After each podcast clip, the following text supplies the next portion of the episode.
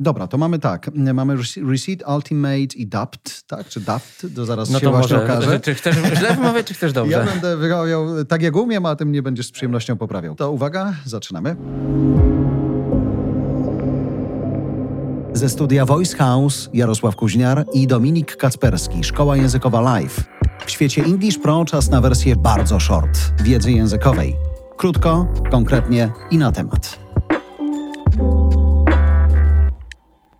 Słuchacze tego początku, w którym trenujemy sobie co nieco szczęśliwie nie słyszeli, bo jestem idealnym przykładem, że to będzie odcinek dla mnie. Jak nie wymawiać pewnych słów, które wydają się tak oczywiste i proste jak... Jak na przykład doubt, Mhm. czyli wątpliwość, wątpić. No i mimo, że w pisowni jest tam b, to wymowiona znika, jest po prostu nieme. Kilka przykładów. Mhm. I'm beginning to doubt whether we can meet the deadline. Czyli zaczynam wątpić, że zmieścimy się w terminie. Twoja kolej? Okay, I'm beginning to doubt whether we can meet the deadline. Mhm. Albo I have no doubt that our team can successfully complete this project on time. Czyli nie mam wątpliwości, że nasz zespół da radę skończyć projekt na czas. I have no doubt that our team i tak dalej. No dobra, kolejne słowo to ostateczny, czyli Ultimate.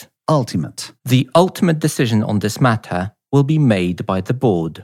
Mhm. Czyli tutaj mamy, niby piszemy ultimate, aż się chce tak powiedzieć, ale mamy ultimate. Mhm. Ultimate. Dokładnie. Ultimate. Spróbuj. The ultimate decision on this matter will be made by the board. Mhm. Ultimate może znaczyć też najlepszy? Mhm.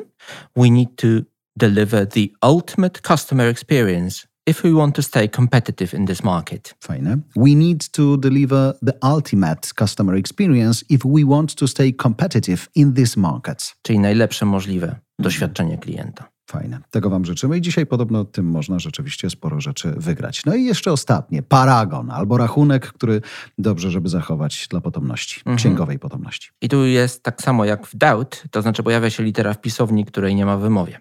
A więc czytamy receipt. Receipt. Mhm. I need to submit my expense receipts to the accounting department by the end of the week. Niby proste słowa, pewnie każdy używa na co dzień, ale my wracamy do nich właśnie dlatego, że bardzo często, może nie wy, słuchacze, ale popełniacie błędy. I need to submit my expense receipt to the accounting department by the end of the week. No i mam takie specjalne zdanie, gdzie wszystkie trzy są użyte. All in one.